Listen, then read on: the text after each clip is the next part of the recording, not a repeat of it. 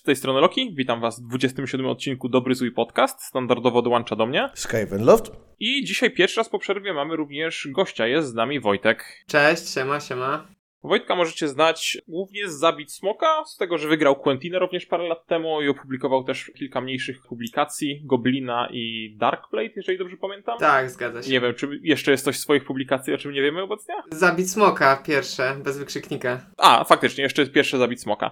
No więc jest już kilka tytułów, ale my się skupimy na dzisiaj na Zabić Smoka tym z wykrzyknikiem, tym wydanym na, na zbiórce na Wspieram To, tym, które już jest od jakiegoś czasu u, u bakerów, które nawet dorobiło się linii wydawniczej i właśnie o tej linii wydawniczej będziemy dzisiaj głównie rozmawiać, bo każdy z nas obecnych tutaj miał jakąś rolę w tej linii wydawniczej, nieco inną i stwierdziliśmy, że to może być dobry pomysł, żeby tak trochę powspominać, jak ta linia wydawnicza poszła, jakie mamy przemyślenia po niej. Postaram się to zrobić we względnie zwięzły sposób, ale myślę, że jeżeli ktokolwiek po podcaście będzie miał jakieś pytania, to na pewno podlinkujemy socjale Wojtka, więc będziecie mogli go dręczyć pytaniami tam.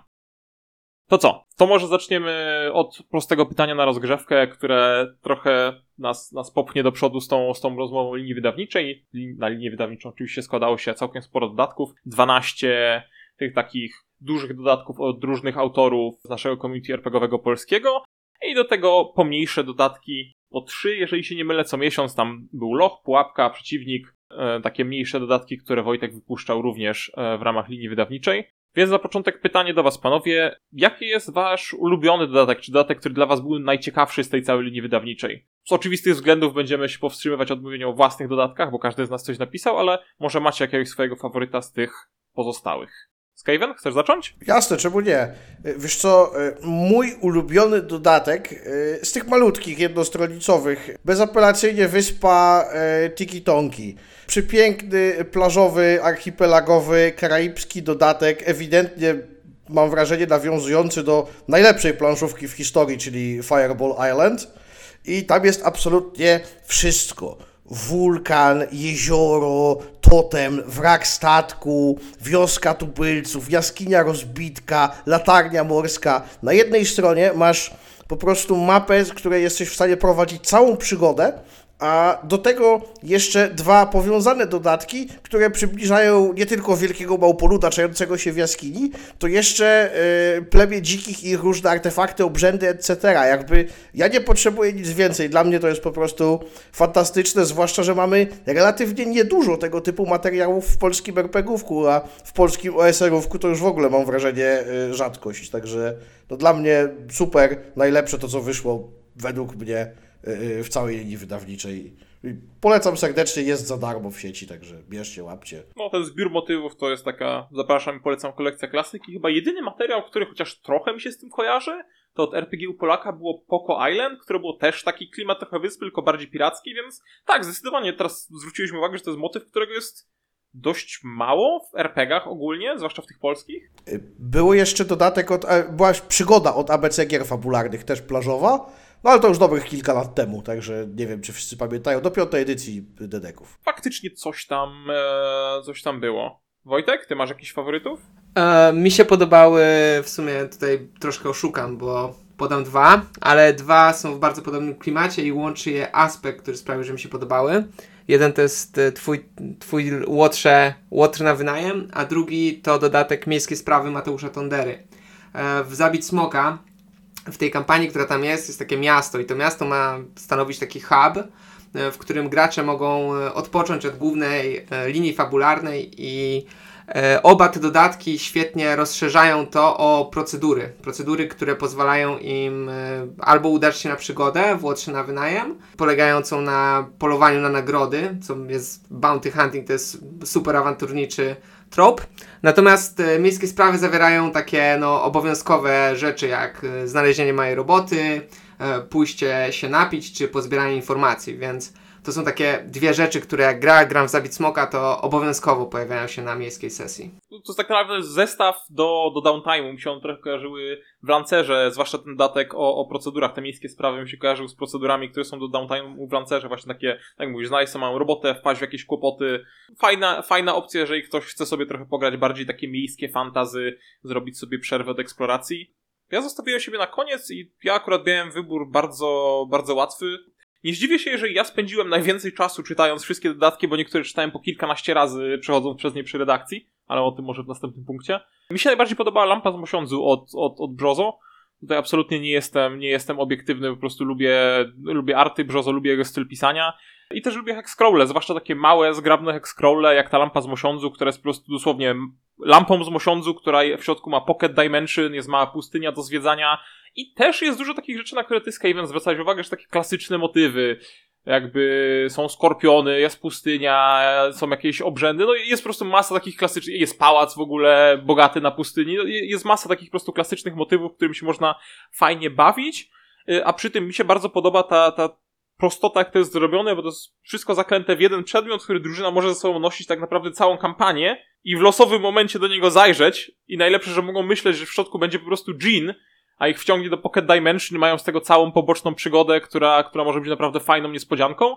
I to jest dla mnie taki bardzo kompletny moduł. Powiedziałbym, że to jest, to jest taki moduł, który też łatwo sobie potrafię wyobrazić, że ktoś go adaptuje na, na inną mechanikę, albo rozbudowuje go do jakiejś pełniejszej przygody jakby nie będę tutaj spoilował, ale zakończenie daje również opcję na wplecenie go bardziej w ten świat zabić smoka, więc myślę, że to jest po prostu też dobra przygoda na start, poza tą ze startera, to to jest taka przygoda, którą polecam na start, bo jest taka dość zam kompaktowa, zamknięta w jednej małej przestrzeni, więc można sobie trochę poeksperymentować. Moim zdaniem zbrodnią jest nie powiedzieć, mówiąc o tym dodatku, o artach Brzoza, które y, odchodzą troszkę od stylu Ady, ale no kapitalnie się moim zdaniem y, wpasowują w klimat Zabit Smoka. Tak, tak. Wydaje mi się, że całkiem nieźle złapał balans między pozostaniem przy swoim charakterystycznym stylu, jakimś tam pozowania postaci, zwłaszcza Brozo ma dość dynamiczne pozy postaci, nie, nie, ma, nie ma co się dziwić, rysuje komiksy w końcu też.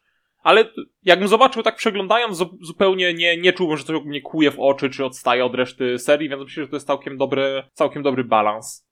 Dobra, czyli każdy z nas ma jakiś faworytów. Oczywiście dodatków jest dużo więcej. E, można je wszystkie pobrać za darmo na, na, na stronie Zabit Smoka. To co dalej? Może Skaven, jakaś propozycja? Jaki jest następny temat, który chcielibyśmy ruszyć? Myślę, że fajnie by było pogadać, yy, może podzielić się ze słuchaczami tym, czym by się zajmowaliśmy faktycznie, co my robiliśmy. No bo wiemy, okej, okay, Wojtek był autorem, ale powiedzmy może troszeczkę szerzej, co my robiliśmy w ramach tej linii wydawniczej, co my na tym zyskaliśmy, czego się nauczyliśmy, czego się dowiedzieliśmy, w jaki sposób to dla nas było rozwijające, no bo jakby w sumie wszyscy trzej pierwszy raz braliśmy udział w tego typu przedsięwzięciu, nie? W zasadzie to tak. No, Wojtek, ty na pewno pierwszy raz, bo to jest twoja pierwsza linia wydawnicza taka duża. No dla nas też w sumie te linie fireballowe działały trochę inaczej, mimo wszystko to był inny rodzaj tak, gry tak. I, i te dodatki też były mimo wszystko inne, mniej autorów było. Może zacznijmy od tej liczby autorów. Jak to wyglądało z twojej strony, e, Wojtek, na przykład z koordynowaniem tych autorów, ze zbieraniem tego, bo mimo wszystko poza, tego, poza tym, że jesteś autorem gry, no to też koordynowałaś niejako tą linię wydawniczą. Co się składało na takie koordynowanie tej linii wydawniczej? A więc tak, przede wszystkim to było przedsięwzięcie, które brzmiało super i podjąłem się go zanim w sumie pomyślałem, z czym to się będzie wiązać. Miałem takie szczęście, że większość autorów była bardzo przychylnie nastawiona do tego. Bardzo cieszyli się, że mogą wziąć udział i no, te prace przysyłali na czas. Rekordowy e, rekord to było przysłanie 3 miesiące przed czasem. No ale tak, musiałem każdego z tych autorów poinformować o tym, jakie są warunki wzięcia udziału. E, musiałem z nimi ustalić jakiś termin oraz tematykę, ponieważ starałem się dopasować te małe dodatki, żeby e, łączył je motyw przewodni z tym dużym dodatkiem, który będzie na koniec miesiąca. E, nie udało się to tylko w jednym przypadku i to w przypadku tej wyspy Tiki Tonki, która się spodobała Skavenowi. No i tak, no, zbierałem te prace i stanowiłem też trochę taki łącznik między redaktorem, czyli tobą, Łotrze, a autorami, no i między Adą, która to wszystko ilustrowała. Więc y, byłem takim middlemanem i w sumie, jeśli miałbym się powiedzieć, czego się nauczyłem, to właśnie zarządzania taką pracą troszkę większego zespołu. Co ciekawe, dzięki temu dostałem swoją obecną pracę, bo jestem menadżerem i właśnie podałem jako projekt, który menadżerowałem wcześniej tą grę. No i uwierzyli mi, że skoro to wyszło, to rzeczywiście e, musiałem takich umiejętności nabrać, więc no, taka mała anegdotka. No, z mojej strony, jak już wspomniałeś, zajmowałem się redakcją. Dla mnie to był przede wszystkim rok, gdzie mocno, mocno pracowałem nad swoimi umiejętnościami redaktorskimi. Zorientowałem się też sporo, jakich mam słabo, słabych punktów, jeżeli chodzi o redagowanie tekstów. Czuję się na pewno pewniej już teraz, po, po przejrzeniu iluś tam tych dodatków i, i robieniu poprawek. Na pewno lepiej się czuję w takiej redakcji bardziej technicznej, bardziej pilnowanie tego wordingu, jakby ujednolicanie rzeczy, pilnowanie, żeby te zdania miały trochę sens mechanicznie, żeby to się, się spinało, żeby, żeby zasady były jednoznaczne i tak dalej. To było dużo takiego po prostu szlifowania. Dla mnie to było bardzo ciekawe doświadczenie też pod tym względem, że no tej linii wydawniczej pisały osoby z różnym poziomem doświadczenia, z kompletnie różnymi stylami. Mimo wszystko jak pracujemy gdzieś w kotłowni Firebola albo jak pracowałem przy Mimiku, no dobra, przy Mimiku też był różnorodny styl, ale w kotłowni Firebola tam jest tak, że mimo wszystko jest ta grupa osób, z którymi pracuję regularnie trochę jestem przyzwyczajony do ich stylu pisania i, i mniej więcej wiem, czego się po nich spodziewać. A tutaj miałem więcej takich zupełnych niewiadomych, bo to byli ludzie, z którymi pracowałem pierwszy raz, więc trochę zobaczyłem sobie szerszą pulę polskich autorów i tego, jak oni, i tego, jak oni piszą.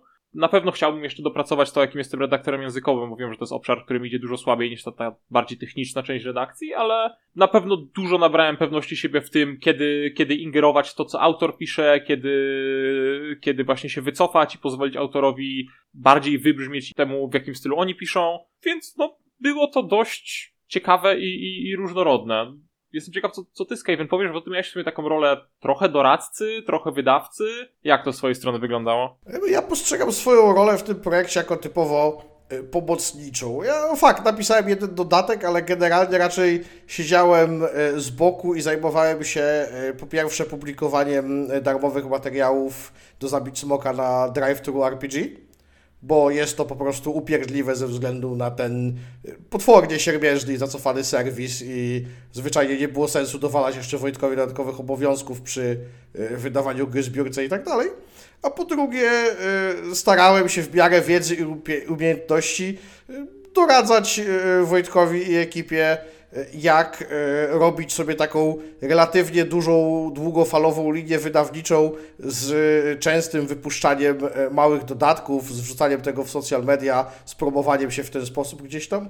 No, myślę, że wyszło, wyszło całkiem fajnie, a sam miałem okazję podpatrzeć, pogadać, pokonsultować, zobaczyć jak wygląda współpraca świeżego, młodego czy początkującego, czy aspirującego, jeżeli wolimy, autora z faktycznie prawdziwym e, wydawnictwem, które komercyjnie działa na rynku, e, zajmuje się gdzieś tam wydawaniem gier, robieniem zbiórek, nie robi tego dla zabawy, tylko robi to zawodowo, profesjonalnie i to było całkiem, całkiem interesujące doświadczenie, które pokazało mi, że absolutnie nie chcę czegoś takiego w życiu robić, więc dzięki Wojtek naprawdę doceniam, szanuję bardzo chętnie jeszcze kiedyś, kiedyś się e, włączę w jakąś współpracę jak już, jak już wspominamy o, o tym, co kto robił, czego się nauczył, to jakby może pociągnijmy ten wątek y, nauki na, na, na, na robienie tej linii wydawniczej.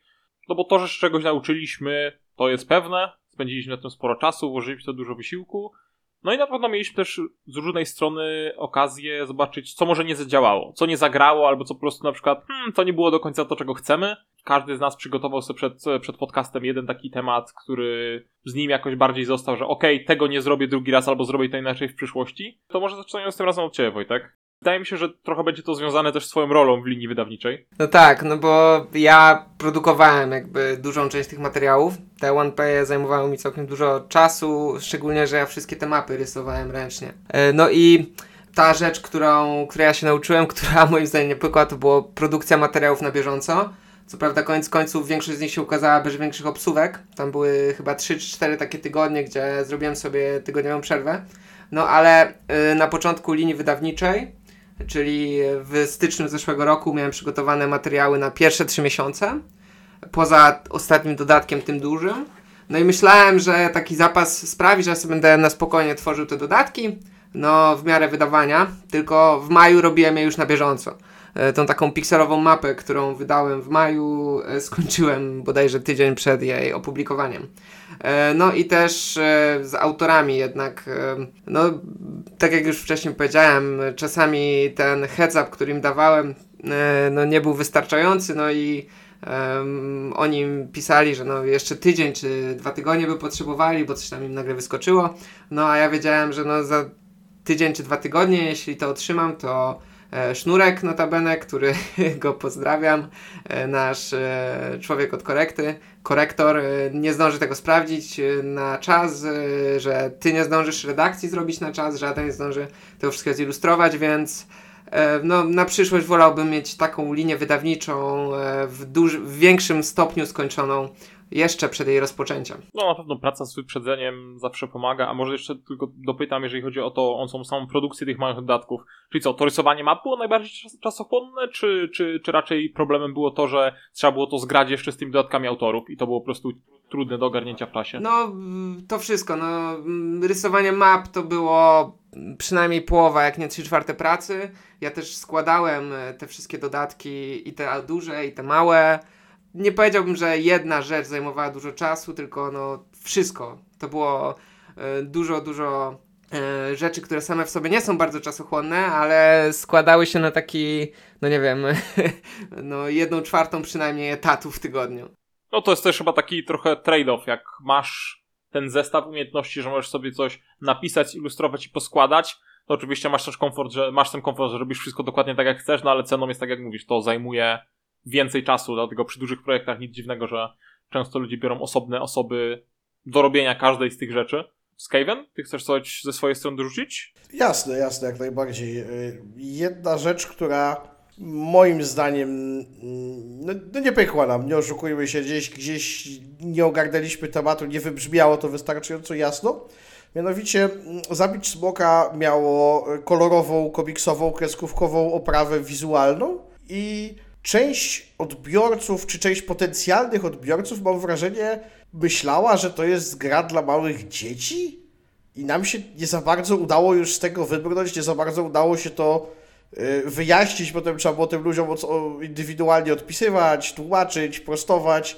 I no powiem szczerze, do tej pory nie bardzo wiem, co my mogliśmy zrobić, żeby temu zapobiec, natomiast no ewidentnie ta, ta oprawa wizualna nie została odczytana w taki sposób, w jaki my myśleliśmy, że zostanie odczytana i trzeba będzie to przemyśleć po prostu przy kolejnych projektach, jak to zrobić, żeby to było faktycznie czytelne, zrozumiałe, żeby target wiedział, że jest targetem. To jest ciekawe, bo w sumie mam wrażenie, że to jest problem bardziej na polskim rynku, gdzie po prostu nie są ludzie jeszcze przyzwyczajeni do takiej różnorodności stylów graficznych gier. No bo nie oszukujmy się, na półkach sklepów głównie mamy dużo tradowych gier, które mają jednak pewną konwencję okładek, one uderzają w zupełnie inne, inne tony. E, a jedną z takich najgłośniejszych kolorowych gier, które już miały bardzo kolorowe okładki, to u nas były te kucyki pony, no które tam akurat targetem teoretycznie były też dzieci. No nie wiem, szczerze mówiąc, nie wiem, czy to jest coś, co, nie wiem, jak, jak ty uważasz, Wojtek, czy to jest coś, co, co zrobiłbyś inaczej, czy, czy raczej zostałbyś przy tym tak samo, bo to jest kwestia, kwestia bardziej community, a nie tego, jakie decyzje ty podjąłeś. Okej, okay, a więc y, tutaj może trochę zdradzę, że w pewnym momencie ta narracja została po prostu pociągnięta dalej przez wydawcę, e, bo mm, stosunkowo pasowała, ale był to trochę taki, e, taki przypadek, no bo Zabić Smoka, żeby tutaj było jasne, można zagrać z młodszymi odbiorcami, ale trzeba tę grę zmodyfikować, szczególnie kampanię. Tam jest stosunkowo dużo śmierci, ona jest trudna, są też takie no, stosunkowo mroczne w niektórych miejscach, e, zdecydowanie nie nadające się dla dzieci wątki. No a y, grafika, no to cóż, y, no wydaje mi się, że kreskówki, dobrze zrobiona kreskówka, ma to do siebie, że bawi i starszego odbiorcę, ponieważ są tam smaczki, czasem mroczniejsze, poważniejsze wątki, a z drugiej strony przez to, że to jest kolorowe, no to podoba się dziecku jako migające obrazki i Zabić Smoka ma być taką grą, która jest i, i dla tych, i dla tych. Chociaż docelowo bardziej bym jednak stawiał na tych poważnych graczy, dla których nie przeszkadza, którym nie przeszkadza to, że gra jest trudna, śmiertelna, no i że mm, pierwsza sesja może się skończyć bardzo szybko TPK-em, więc e, takie są moje tutaj spostrzeżenia w tej kwestii i taki, e, taki sekret mogę zdradzić wam. No niestety tutaj jako twórcy nie zawsze mamy kontrolę nad tym, jak nasze jak nasze gry są odbierane. Ja ze swojej strony, kurczę, zastanawiałem się, bo to, to nawet nie była rzecz, która była błędem, bym powiedział, tylko to jest po prostu trudność, którą warto brać pod uwagę, jeżeli się robi projekt, z którym się współpracuje z wieloma różnymi autorami, tak jak wspominałem, tak właśnie było w przypadku, w przypadku linii Zabić Smoka.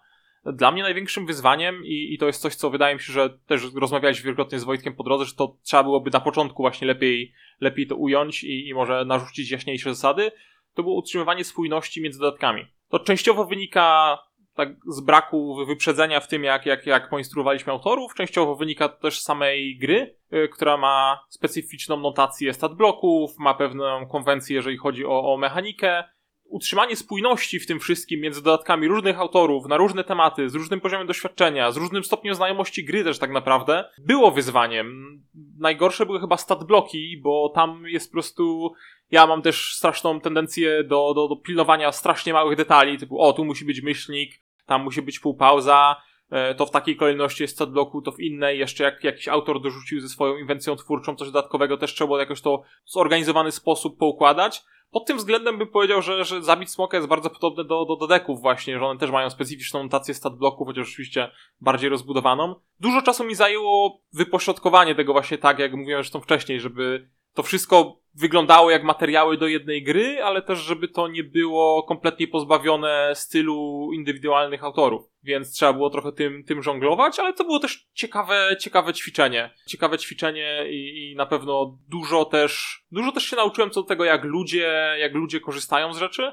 Wydaje mi się tutaj taka, taki cytat, który mi zapadł ostatnio w pamięć i, i który pewnie będę brał pod uwagę w przyszłości przy, przy tego typu projektach, to jest takie, że trzeba trochę planować nie pod to, jak ludzie, jak chcemy, żeby się ludzie zachowywali, tylko pod to, jak ludzie się zachowują. To akurat dotyczyło książki o, o user experience, ale wydaje mi się, że przy tego typu projektach też warto trochę linię wydawniczą zaprojektować pod to, jak ludzie będą do niej pisać, uwzględnić to, że to będą różnorodni autorzy i różnorodne style pisania. Ale to chyba tyle z tych, tych punktów takich, co bym zrobił, co byśmy zrobili inaczej, co, co, co może nie do końca poszło, bo całościowo akcja poszła sprawnie. Te, te materiały wychodziły na czas.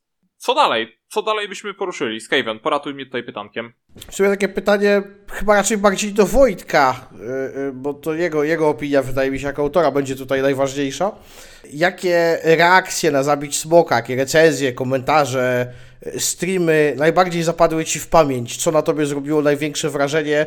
Co z Tobą zostanie jako wspomnienie z tego projektu, tak? Nie wiem, coś pozytywnego, czy coś negatywnego, może jedno i drugie, jeżeli takie masz.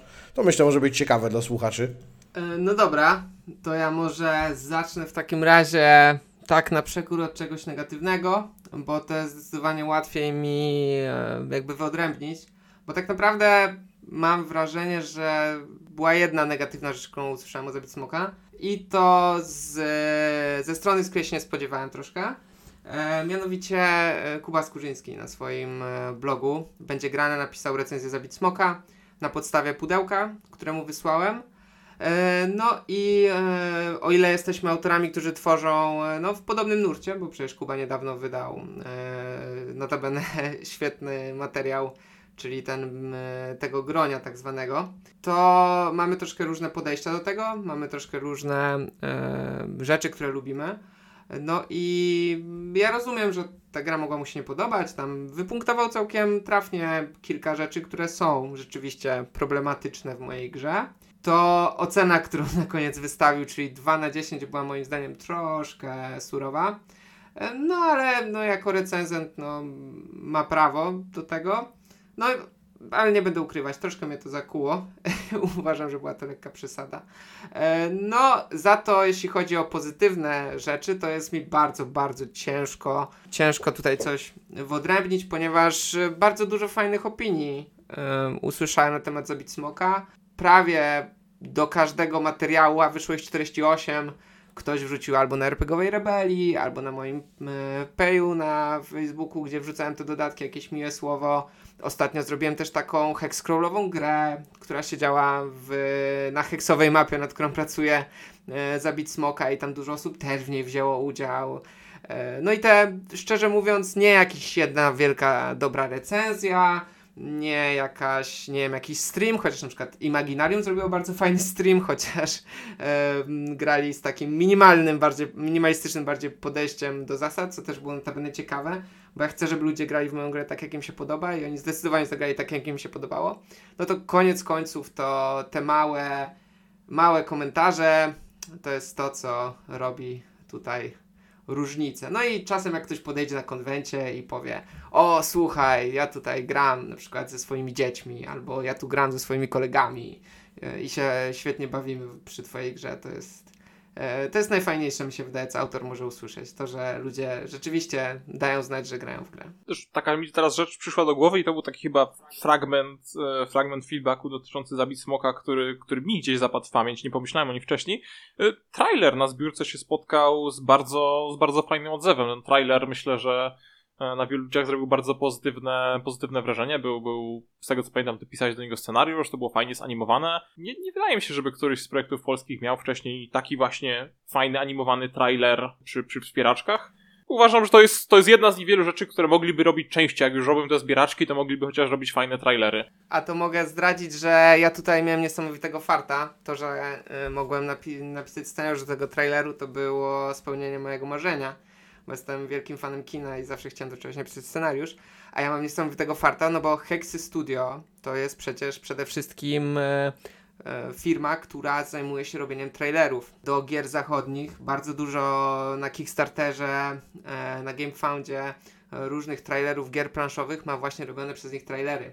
Tak więc e, tutaj no, jest to niesamowity zbieg okoliczności i dla Zabismoka niesamowity fart bo mieliśmy wydawcę, który no, profesjonalnie zajmuje się tymi trailerami i no jestem ciekaw, e, jak ktoś mi pokaże lepszy trailer do gry, polskiej gry RPG, no to e, wtedy uwierzę, że taki istnieje. Na ten moment, no jeszcze przecież e, no, Zbrojewicz, czyli Grucha, który tam podkładał głos, no troszkę, troszkę wszystko, nawet rok już po ukazaniu się tego traileru prawie, wydaje się to nierealne troszkę. No, myślę, że to było fajne, fajne wspomnienie, które na pewno z tą zostanie długo, zwłaszcza tym bardziej, że to było twoje, twoje marzenie napisać scenariusz, to jest w połączeniu z projektem, który był twoim projektem i wszystko takim z pasji. Fajne połączenie. No dobra, powspominaliśmy to co, to, co było, to może warto trochę zwrócić e, wzrok w stronę, w stronę przyszłości. Jakie są dalsze plany co do Zabić Smoka? Czego ludzie się mogą spodziewać z twojej strony, do, jeżeli chodzi o tą linię linię fabularną. Wspominałeś, że robiłeś tą mapkę hexarową niedawno, czy, czy, czy jest coś więcej, co chcesz na tym etapie zdradzić? Tak, bardzo chętnie. Zresztą to nie jest coś, co ukrywam. To może zacznę od tego, jakie są plany takie wydawnicze. Zabić Smoka to już zresztą zostało ogłoszone e, w kilku miejscach, rusza na zachód. Będziemy w marcu, najprawdopodobniej pod koniec marca, robić zbiórkę na wydania angielskie. Gra jest już w tej chwili przetłumaczona. E, ostatnio wydałem też e, na polskiej scenie, jakby na moim payu i na Itchu pojawiły się e, aktualizacje zasad. Ta aktualizacja zasad powstała właśnie przy pracy nad angielską wersją. To są zasady, które zostały dopieszczone i one już w tej angielskiej wersji się znajdą.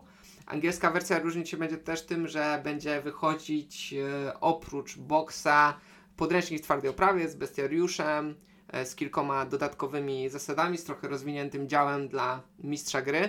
No i e, jeszcze zobaczymy, ale mam taką cichą nadzieję, że uda się to opublikować jako Basic e, Slade Dragon i Advanced Slade Dragon, więc wtedy mielibyśmy już w ogóle nawiązanie do klasyków pełne, czego się przy polskiej wersji nie udało.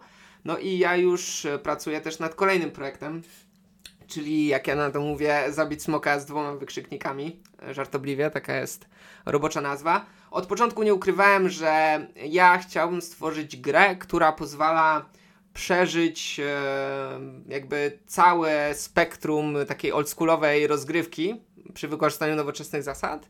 No i e, to całe spektrum w moim odczuciu składa się z tych wszystkich szczebli rozgrywki, które były, e, były klasycznie w Dungeons and Dragons przedstawiane.